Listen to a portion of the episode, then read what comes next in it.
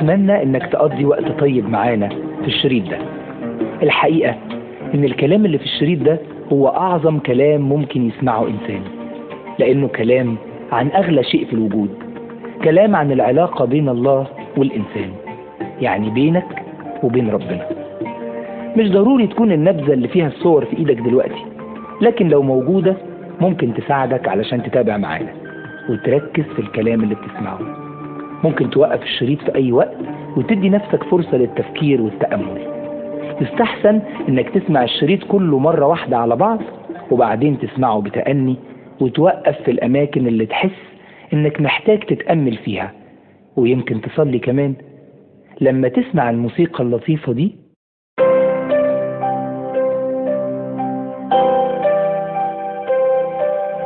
ده معناه إنك تتنقل للصورة اللي بعد كده. والآن نبدأ في الصفحة الأولى. في الأول خالص كان الله موجود قبل كل الوجود وكل الخليقة. الله خلق العالم بأمره وبأمره كان النور في وسط الظلام وصنع بإيده الشمس تحكم النهار والقمر يحكم الليل. الله صالح وعادل وهو حاكم كل شيء بقدرته.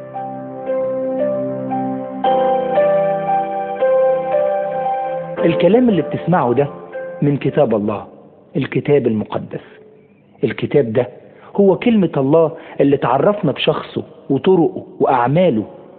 والله استخدم أكتر من نبي لكتابة كلمته لإعلان حقه بكل محبة لكل البشر. الكتاب ده بيوضح سبب انفصال البشر عن الله بالرغم من محبته ليهم. وبيعلن كمان خطة الله لإعادة العلاقة مع البشر وإزاي يرجعوا أولاده مرة تانية.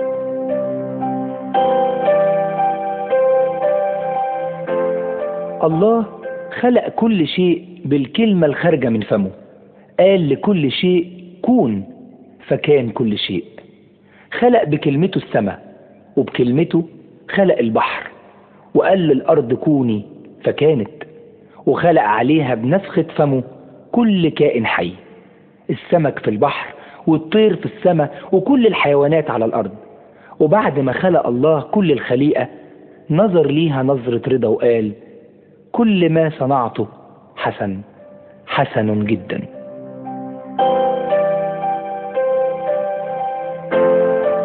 وخلق الله الإنسان الأول من التراب وسماه آدم. ومن ضلع الراجل ده خلق أول امرأة وسماها حواء. وأحب الله آدم وحواء حب شديد جدا واداهم السلطان على كل خلقته. وكان آدم وحواء قريبين جدا من ربنا وعاشوا في جنة جميلة هو اختارها لهم وسمح ليهم إنهم يتمتعوا بالأكل من كل شجرها ما عدا شجرة واحدة بس. لكن آدم وحواء خلفوا ربنا وأكلوا من ثمر الشجرة الممنوعة دي. وبكده أخطأوا في حق الله وكسروا العلاقة الحلوة اللي كانت بينهم وبينه. علشان كده انفصل الله عنهم لأن الله بيكره الخطية والعصيان. طردهم ربنا من الجنة الجميلة اللي كان وضعهم فيها. وبعد ما كانوا بياكلوا من ثمرها الشهي اضطروا للزراعة والعمل بكد وتعب علشان ياكلوا اللي يسد جوعهم يوم بيوم. كانت نتيجة الخطية هي الألم والموت والبعد عن الله.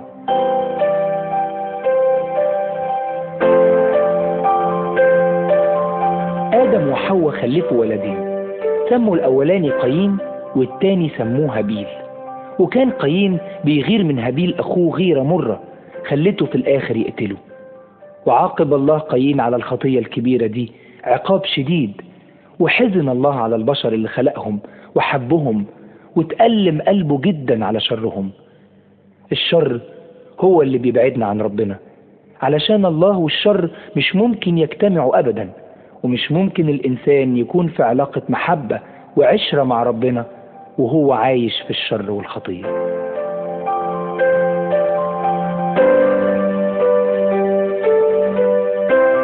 وبعد قايين وهابيل خلف آدم وحواء ولاد وبنات تانيين. ومرت السنين والأجيال وكتر البشر جدا على الأرض وكتر شرهم معاهم. وكل واحد منهم اختار بإرادته إنه يعصى ربنا ويمشي في طرق بعيدة عن الله. وبسبب شر البشر اللي بيزيد ويضرهم أكتر وأكتر قرر الله إنه يوقف الشر ده ويفني كل البشر بفيضان عظيم. ما عدا راجل واحد بار تقي اسمه نوح. أمر الله نوح إنه يبني سفينة كبيرة سماها الفلك علشان ينجى هو وعيلته من الفيضان. وأخد بنى السفينة دي سنين طويلة وطول السنين دي فضل ربنا يحذر الناس من الشر وينذرهم على لسان نوح بالفيضان الآتي لو فضلوا على شرهم. لكن الناس ما صدقوش نوح وضحكوا عليه لأنهم ما كانوش مستعدين يرجعوا عن شرهم كانوا بيحبوا الخطية أكتر من ربنا.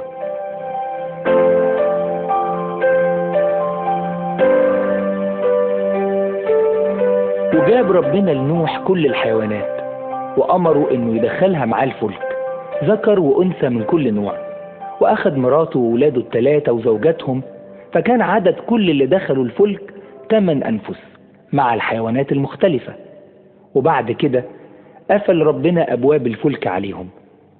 لما دخل نوح وعيلته الفلك ما كانش لسه الفيضان بدأ لكن بعد سبعة أيام نزل ربنا مطر شديد من السماء وطلعت مية من أعماق الأرض وخلال أربع أيام بس غطت المية كل الأرض وغرق كل الناس.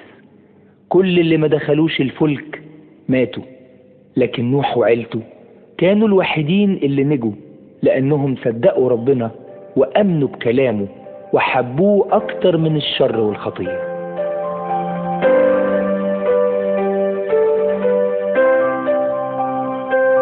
ومرت سنين كتيرة وبقي نسل نوح قبائل مختلفة في أماكن كتيرة من الأرض. ومن ضمن الأحفاد دول كان أبونا إبراهيم. وكان إبراهيم راجل بيحب ربنا ويطيعه مهما كانت التكلفة. ووعد الله إبراهيم إنه هيخلف نسل كتير ويصير شعب عظيم رغم إنه كان راجل عجوز ومراته سارة كانت ما بتخلفش. لكنهم أمنوا وصدقوا كلام ربنا. وبعد ما طال بيهم العمر رزقهم ربنا بولد سموه إسحاق. وكان لإبراهيم ولد من زوجة تانية اسمه إسماعيل اللي صار أبو كل العرب. وكان وعد الله لإبراهيم إنه هيبارك إسماعيل لكن هيعمل أمور عظيمة لكل الخليقة من خلال نسل إسحاق اللي اتولد بمعجزة.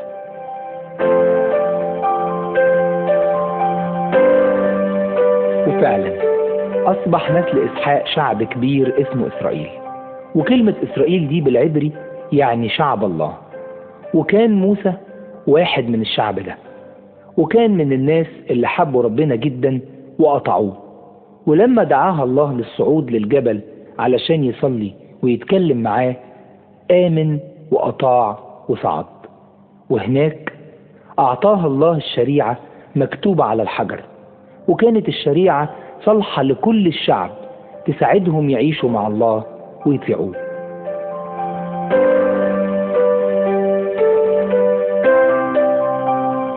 والشريعة اللي أعطاها الله لموسى كانت وصايا من الله لخير كل الناس. تعلمهم يحبوا ربنا ويطيعوه وحده وما يعبدوش غيره وما يعملوش لنفسهم أصنام أو أوثان يعبدوها زي ما الشعوب التانية كانت بتعمل حواليهم. وكانت الشريعة كمان بتعلمهم احترام اسم الله واحترام الأولاد لأبائهم وأمهاتهم وإنهم يحبوا بعض وما يشتهوش أملاك بعض. وكمان الشريعة كانت بتحرم القتل والزنا والسرقة وشهادة الزور. وعلمتهم الشريعة كمان تنظيم حياتهم وإنهم يخصصوا يوم في الأسبوع للراحة والعبادة.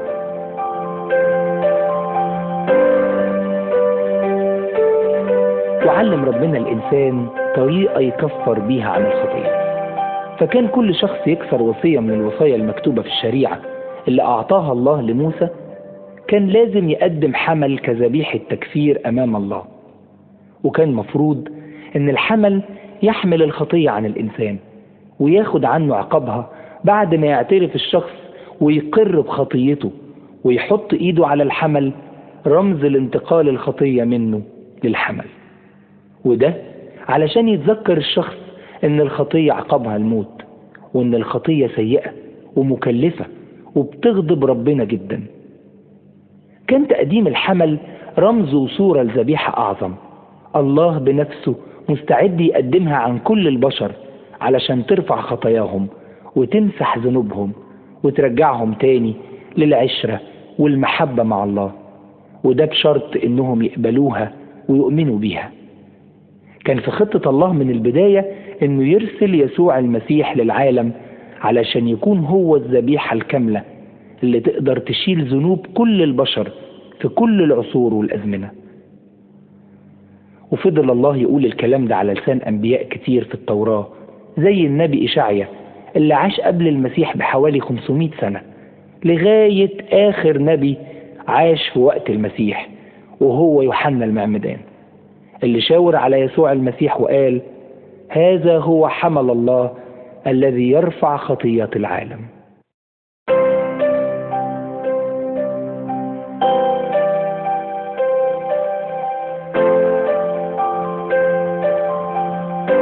اتولد المسيح بطريقة عجيبة ما اتولدش بيها حد قبله ولا هيتولد بيها حد بعده. جه ملاك من السماء لبنت عذراء اسمها مريم وكانت البنت دي مخطوبة لراجل اسمه يوسف كان نجار في القرية اللي هي عايشة فيها. وقال الملاك لمريم إنها هتحمل وتولد من غير ما يلمسها راجل. استغربت مريم جدا من الكلام ده لكنها أمنت إن ربنا قادر على كل شيء وإنه زي ما خلق الأرض والسماء بكلمة من فمه يقدر يخليها تولد من غير رجل. وبالطريقة المعجزية دي اتولد المسيح من عذراء. وحقق ربنا وعده. وبعد ما عرف يوسف بحمل مريم ظهر له ملاك الله في حلم وطمنه إن مريم مفيش راجل لمسها وإن اللي في بطنها ده حمل معجزي من الله وإنها هتكون أم المسيح اللي بيستناه شعب إسرائيل حسب النبوات. وقال لهم الملاك يسموه يسوع. والكلمة دي معناها الشخص اللي يخلص الشعب. وزي ما مريم أطاعت الله أطاع يوسف أيضا الله وسلم بكل أمره.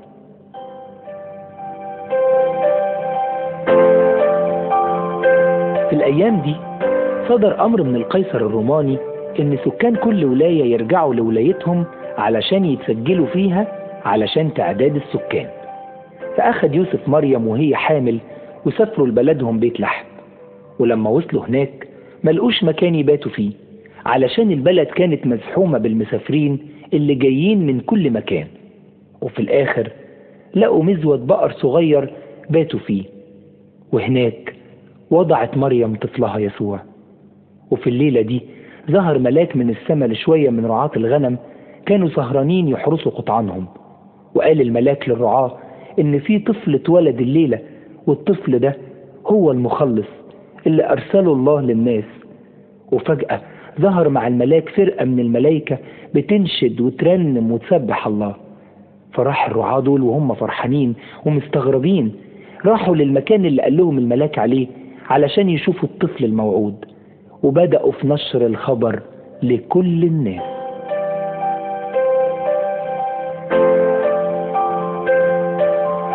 الكتاب المقدس ما تكلمش كتير عن طفولة الرب يسوع لكنه أخبرنا بقصص هامة جدا عن المرحلة دي في حياته.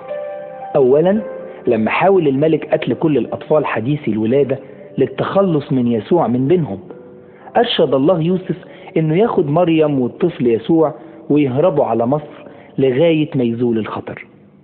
وفي مكان تاني يخبرنا الكتاب المقدس عن إن الطفل يسوع كان بيكبر وينمو في القامة والحكمة والنعمة عند الله والناس. ولما كان يسوع عمره 12 سنة خدوا أبوه وأمه للهيكل في أورشليم. وهناك بدأ يتكلم مع معلمين الناموس والقادة الروحيين لشعب إسرائيل عن أمور الله. وكان يسألهم ويجيب أسئلتهم بحكمة سابقة لسنه واندهش الجميع من فهمه ومعرفته. ولما بلغ يسوع سن الثلاثين بدأ في تعليم الناس عن الله وأصبح معلم مشهور عند جميع الناس.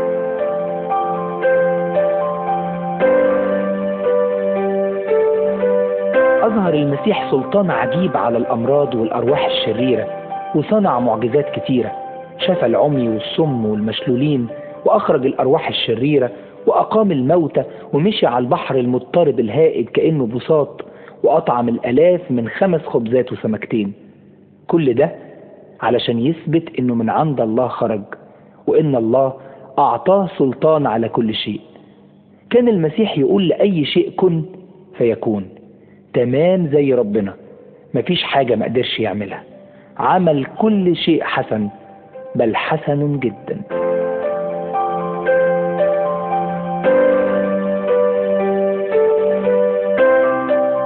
استمر المسيح يعمل معجزات رائعة وكتير من الناس مشيت وراه في كل مكان. وكان المسيح محبوب من الجميع بسبب محبته للجميع وودعته وتحننه على الجميع. شفى المرضى وعلم الناس عن الله وأشبع جوعهم الروحي الشديد. المسيح كان إنسان كامل وصالح لم يفعل أي خطية وكان كل همه إنه يعمل مشيئة ربنا. المسيح جه علشان يعلن للناس محبة ربنا ويصالح الإنسان الفاسد مع الله القدوس.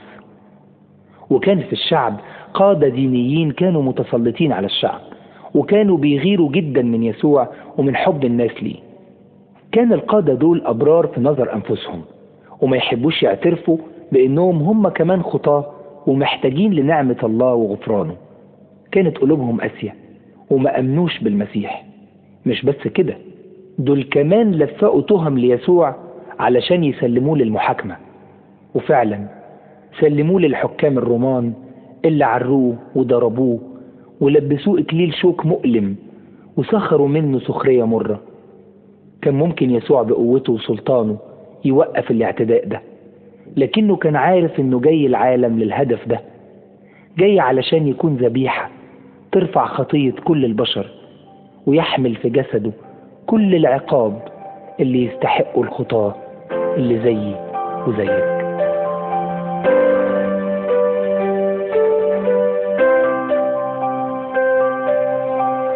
أخذ الجنود يسوع وسمروه على صليب خشبي. وبعدين رفعوا الصليب والمسيح متعلق عليه وفضل متعلق عليه لغاية ما أسلم الروح. وكانت طريقة الإعدام دي أبشع طريقة في الوقت ده وما كانش بيتحكم بيها إلا على أشر المجرمين. وكان مطلوب مع المسيح للصين فكان بالفعل بار وسط أثمة. كان المسيح بريء ما أخطأش في أي شيء. لكنه سلم نفسه للموت عن خطايانا إحنا. إحنا اللي كنا نستاهل الموت لكنه مات بدل كل البشر اللي كانوا عايشين وقت صلبه واللي جم للحياة بعد كده واللي لسه هيجوا للحياة. بشرط إن الإنسان يصدق ويآمن ويقبل ذبيحة المسيح للتكفير عن خطاياه. المسيح قدم نفسه ذبيحة كاملة دفع أجرة الخطية بالكامل عن كل البشر.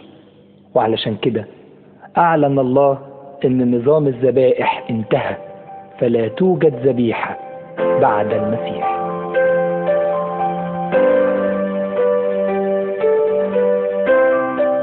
ظن أعداء المسيح أنهم اتخلصوا منه لكن ده ما حصلش.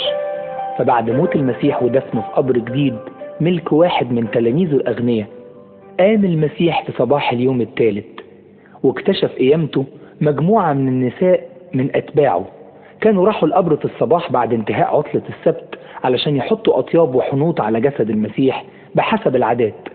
وكانت دهشتهم شديدة لما شافوا الحجر متدحرج من على باب القبر والقبر فارغ وزادت دهشتهم لما شافوا ملكين قالوا لهم إن المسيح حي وانه قام من الأموات.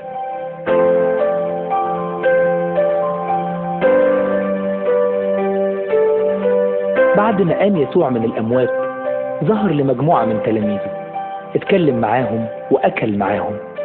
لكن واحد من تلاميذه اسمه توما لما سمع عن قيامة المسيح شك وما صدقش. كان صعب عليه إنه يؤمن إن المسيح ممكن بعد ما مات يقوم من الأموات. وقال إن لم أرى مكان المسامير في يديه وألمسه فأنا لا أؤمن. المسيح اتحنن على شك توما وظهر مرة تانية للتلاميذ لما كان توما معاهم واتكلم مباشرة مع توما فسجد توما لي وآمن فقال له يسوع أنت تؤمن لأنك رأيتني طوبى لمن آمنوا ولم يروا.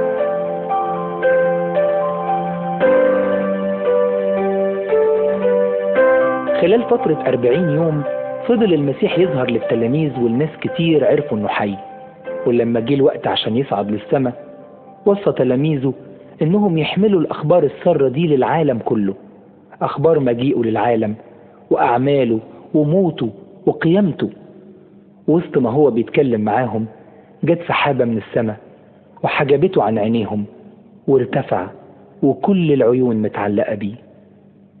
وبعد كده ظهر للتلاميذ ملاكين قالوا لهم يسوع اللي صعد قدامكم للسماء هيرجع تاني بنفس الطريقة اللي صعد بيها لأنه راح يجهز مكان لكل المؤمنين بيه. المسيح صنع بنفسه طريق لله علشان يوصلنا ليه.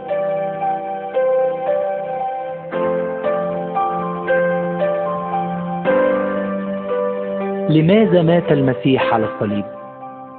مات المسيح على الصليب علشان يخلصنا من خطايانا ويرجع لنا علاقتنا مع الله. المسيح الطاهر الخالي من أي خطية حمل خطايانا. ولما نؤمن بالمسيح ونتوب يغفر لينا خطايانا ونصبح كأننا بلا خطية ونفتح صفحة جديدة مع ربنا وناخد قوة وسلطان جديد على الخطية. سلطان أولاد مولودين ولادة جديدة من الله.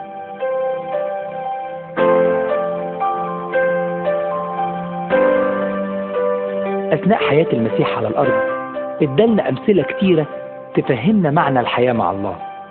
قال إن في طريقين واحد واسع وسهل لكن نهايته الموت والهلاك وواحد ضيق وصعب لكن نهايته الخلاص والحياة.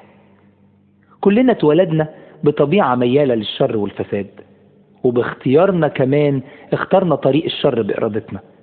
علشان كده الطريق ده أصبح سهل بالنسبة لينا والمسيح جه علشان يعلمنا نترك الطريق السهل ونختار الطريق الصعب. بالإيمان بيسوع وقبول ذبيحته على الصليب والتوبة عن الخطية. عزيزي المستمع ليه ما تكلمش الله دلوقتي من قلبك؟ قل له يا رب أنت عظيم وقدوس وبار. اعترف قدامه إنك خاطئ. هو يعرف كل حاجة لكن اعترافك قدامه بيكسر قوة الخطية. قل له أنا أؤمن إنك مت علشاني على الصليب. مت علشان تطهرني وتديني قلب جديد. أنا عايز أتبع طرقك وأعيش معاك هنا على الأرض وأكمل معاك الحياة في السماء. أشكرك لأنك قبلتني في اسم المسيح. آمين.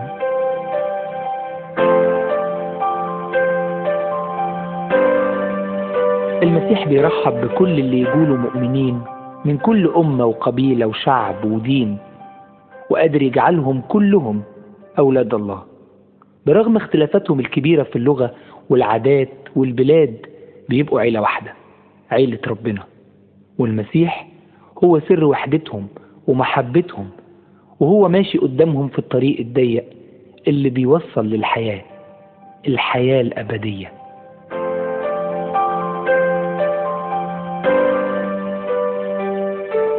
في ليلة من الليالي جه واحد من معلمين الشريعة اسمه نيقوديموس. جه للمسيح علشان يتكلم معاه ورد المسيح على كلامه بكلام عجيب. قال له إن كنت عايز تدخل في علاقة مع الله لازم تتولد من جديد زي ما كان ميلادنا من أبائنا وأمهاتنا هو الطريقة اللي دخلنا بيها للعيلة دي. ميلادنا الروحي الجديد هو الطريقة اللي ندخل بيها عيلة ربنا. إحنا ما نقدرش نغير أنفسنا لكن الله يقدر يغيرنا. روح الله الروح القدس يعطينا الولادة الجديدة لما نؤمن ونتوب ونقرر نعيش حياة جديدة مع المسيح.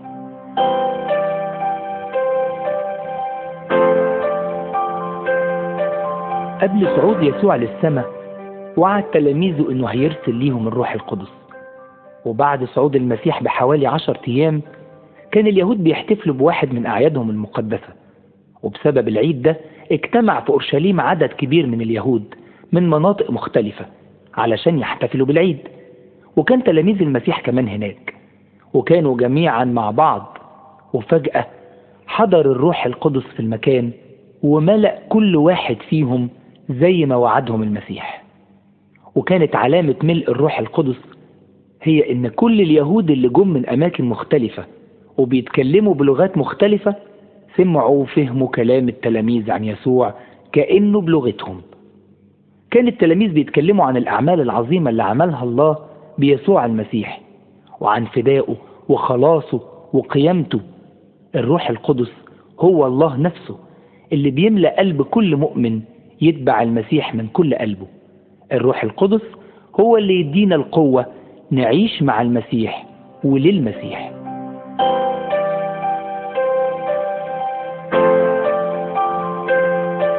الإنسان قبل ما يعرف المسيح يشبه واحد ماشي في الضلمة.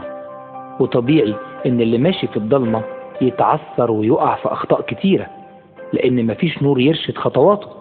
لكن لما يؤمن الإنسان ويثق في المسيح يكون زي واحد ماشي في عز النهار في طريق مستقيم ممهد.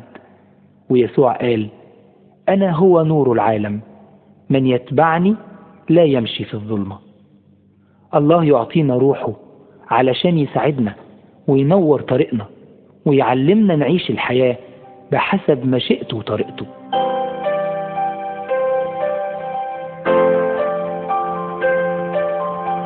المؤمن هو شخص جديد مولود من جديد بيعيش حياة جديدة ليه رغبة جديدة قوية وهي إنه يطيع الله. قلبه بيشكر الله على غفران خطاياه. والمؤمن بالمسيح يكره إنه يشترك في أعمال الشر زي الزنا والسرقة أو الطمع أو ممارسة السحر أو الشعوذة.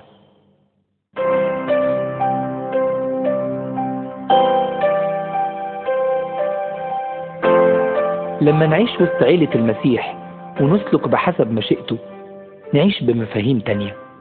الراجل يحب مراته الست تحب جوزها وتكرمه لأن دي وصية الله.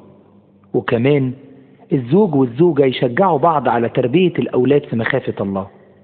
العيلة المؤمنة دايما تصلي مع بعض ويكون هدفهم دايما مجد الرب وخير الناس.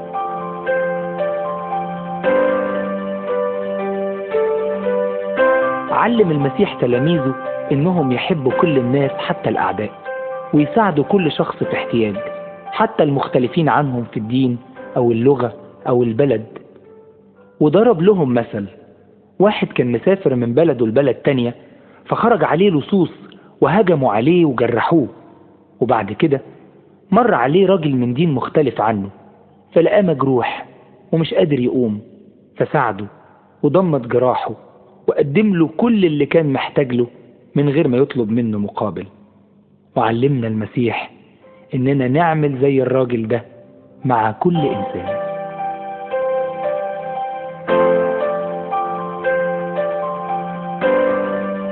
بعض الناس بيتورطوا في أعمال سحر واتصال بأرواح وشياطين وناس بتؤمن بقوة روحية غريبة وبيحاولوا يعرفوا المستقبل من خلال تحضير الأرواح أو قراءة الكف أو الكوتشينة أو غيرها.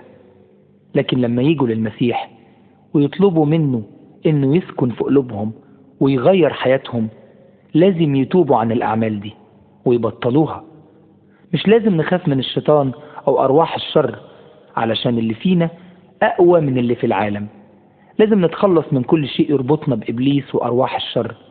مش ممكن نطلب معونة من إبليس وأرواحه لأن الله هو أبونا وهو معنا وهو حمينا.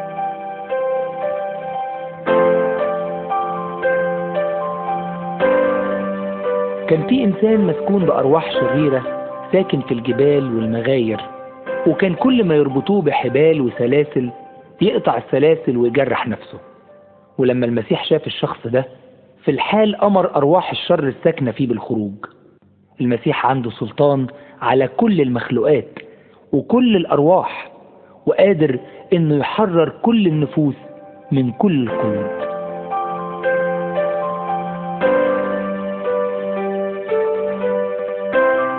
إذا كنت بتشعر إن أرواح الشر بتزعجك وبتمنعك من عمل علاقة مع المسيح. اطلب من بعض الإخوة المتقدمين في الإيمان إنهم يصلوا معاك وتطلبوا في اسم المسيح القوي تحرير من أسر القوى الشريرة دي. إذا حبينا المسيح وطعناه من كل القلب يسكن في قلوبنا وقوته تحررنا من كل قيد وإبليس ما يقدرش يضرنا.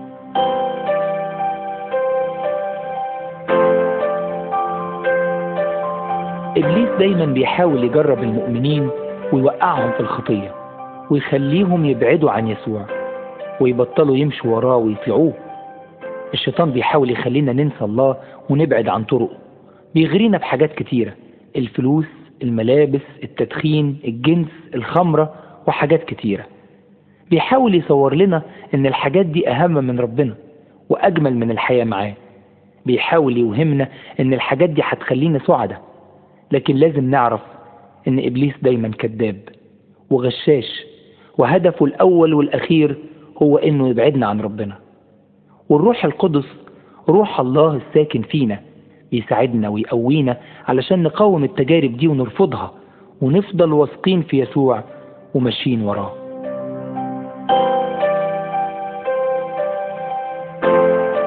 حكى المسيح لتلاميذه ولينا القصة دي. كان في شاب قرر انه يترك بيت أبوه وتورط في أعمال شر كتيرة زنا وسكر وعربدة وضيع كل ميراثه اللي خده من أبوه. وبعد ما ضيع كل فلوسه وبقى فقير معدم حصلت كمان مجاعة في الأرض اللي كان فيها فصارت حالته في شدة البؤس. فقير وجعان عايش وسط ناس جعانين. وفي يوم فاق لنفسه وندم على خطاياه وشره وقرر إنه يرجع لبيت أبوه ويطلب منه إنه يسامحه. وكانت المفاجأة إن ابوه قبله زي ما هو من غير ما يعاقبه على شره وضياعه ودخله بيته ورد له كرامته. القصة دي بتعلمنا إننا لو أخطأنا واتمدينا في الغلط لازم نفوق ونندم ونتأسف على خطايانا ونرجع بتوبة حقيقية لله. والله في الحالة دي هيقبلنا ويغفر لنا على حساب ذبيحة المسيح ودمه المسفوك من أجلنا. ويرحب بينا مرة تانية وسط عيلة ربنا الكبيرة.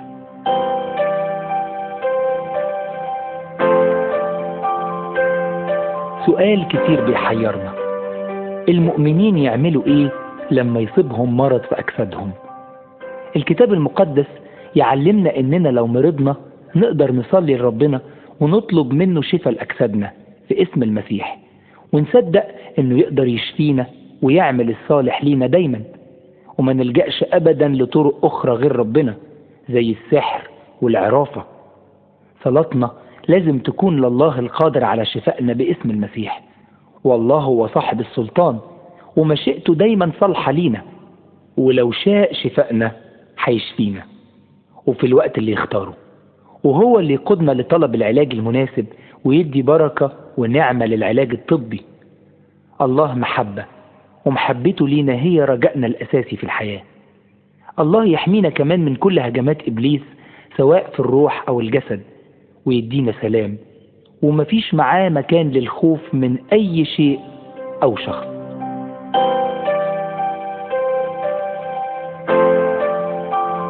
كلنا عارفين الحقيقة دي إننا في يوم من الأيام هنموت. لكن السؤال المهم هو هيحصل لنا إيه بعد الموت؟ الكتاب المقدس بيقول لنا إن المؤمن لما يموت روحه بتروح تسكن مع الرب يسوع المسيح في السماء. والحقيقة دي بتعزينا وتخلينا ما ننهارش من الحزن على الشخص المؤمن لما ينتقل. مش لازم أبدا نخاف من الموت لأننا عارفين إن ربنا حبنا وخلصنا من الخطية بالإيمان بيسوع اللي قدم نفسه ذبيحة على الصليب علشان ينتهي سلطان الموت. ويتحول الموت لانتقال من الحياة على الأرض إلى الحياة الأبدية مع الله في السماء. أما غير المؤمنين اللي رفضوا يضعوا ثقتهم في المسيح مش هيكون ليهم المستقبل الرائع ده؟ ولأنهم رفضوا الحياة مع الله على الأرض مش هيعيشوا مع الله في السماء. وهو ده العقاب المر هو ده جهنم وهي دي النار الأبدية.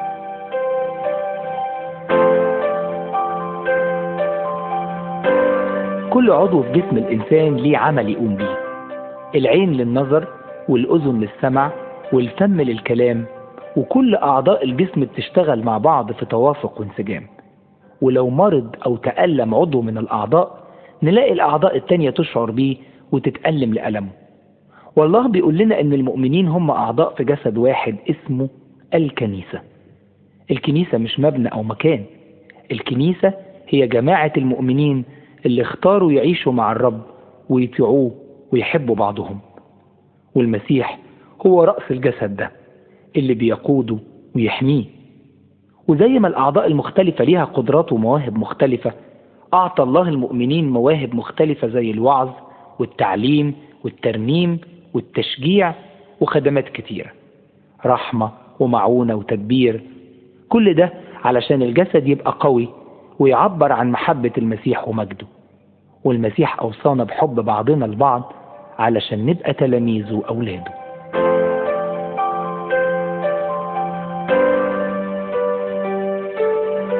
ضروري للمؤمنين إنهم يجتمعوا مع بعض بانتظام علشان يعبدوا الرب مع بعض. والكتاب المقدس بيعلمنا إزاي تكون العبادة إزاي يكون التسبيح والترنيم لربنا والشكر والصلاة وتقديم العطايا لله علشان يمتد عمله وتنتشر رسالته لكل الناس. والكتاب بيوصينا كمان إننا نتذكر موت المسيح لأجلنا من خلال كسر الخبز زي ما كسر المسيح جسده علشاننا وشرب عصير الكرمة زي ما اتسفك دم المسيح من أجلنا عشان نفضل فاكرين ذبيحة المسيح اللي بتطهرنا من خطايانا ونفحص نفسنا من وقت للتاني لغاية مجيء المسيح مرة تانية.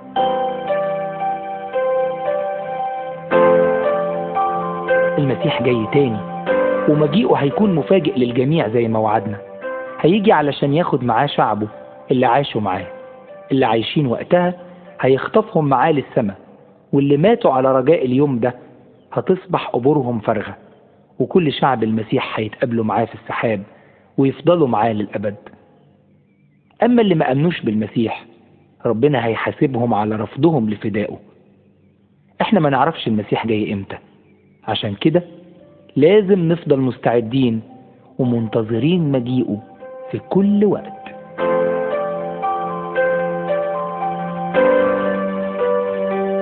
زي ما شجرة الفاكهة بتطرح ثمر حسب نوعها روح الله بيطرح في حياتنا ثمر جيد. والرب يسوع قال أنا هو الكرمة الحقيقية وأنتم الأغصان. إن ثبتتم في وأنا فيكم تأتون بثمر كثير.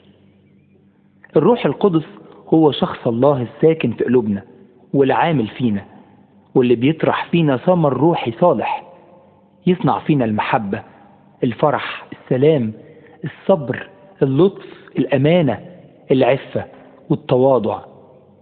والغصن اللي ما يطرحش يتقطع ويستخدم حطب لكن الغصن الطارح الله بينقيه علشان يطرح أكتر ويمجد الآب السماوي.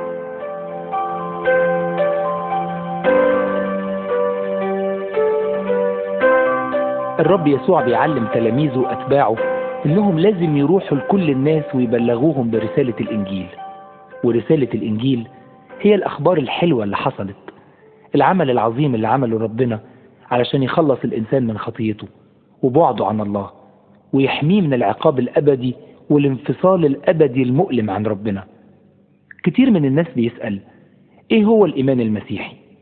المسيحيين دول بيؤمنوا بإيه؟ ليه هم مختلفين عن بقية الناس؟ ليه سلوكهم مختلف؟ إيه هو الدافع اللي بيخليهم يتصرفوا بالطريقة دي؟ لازم المؤمنين يجاوبوا عن الأسئلة دي والإجابة هي إن المسيحيين هم الأشخاص المؤمنين بالمسيح واللي بيتبعوه في كل شيء قالوا أو عملوا وإن روح الله ساكن فيهم يعينهم على السلوك بحسب مشيئة الله الروح القدس يدينا الشجاعة والحكمة في الشهادة عن المسيح وعن الحياة الجديدة مع الله.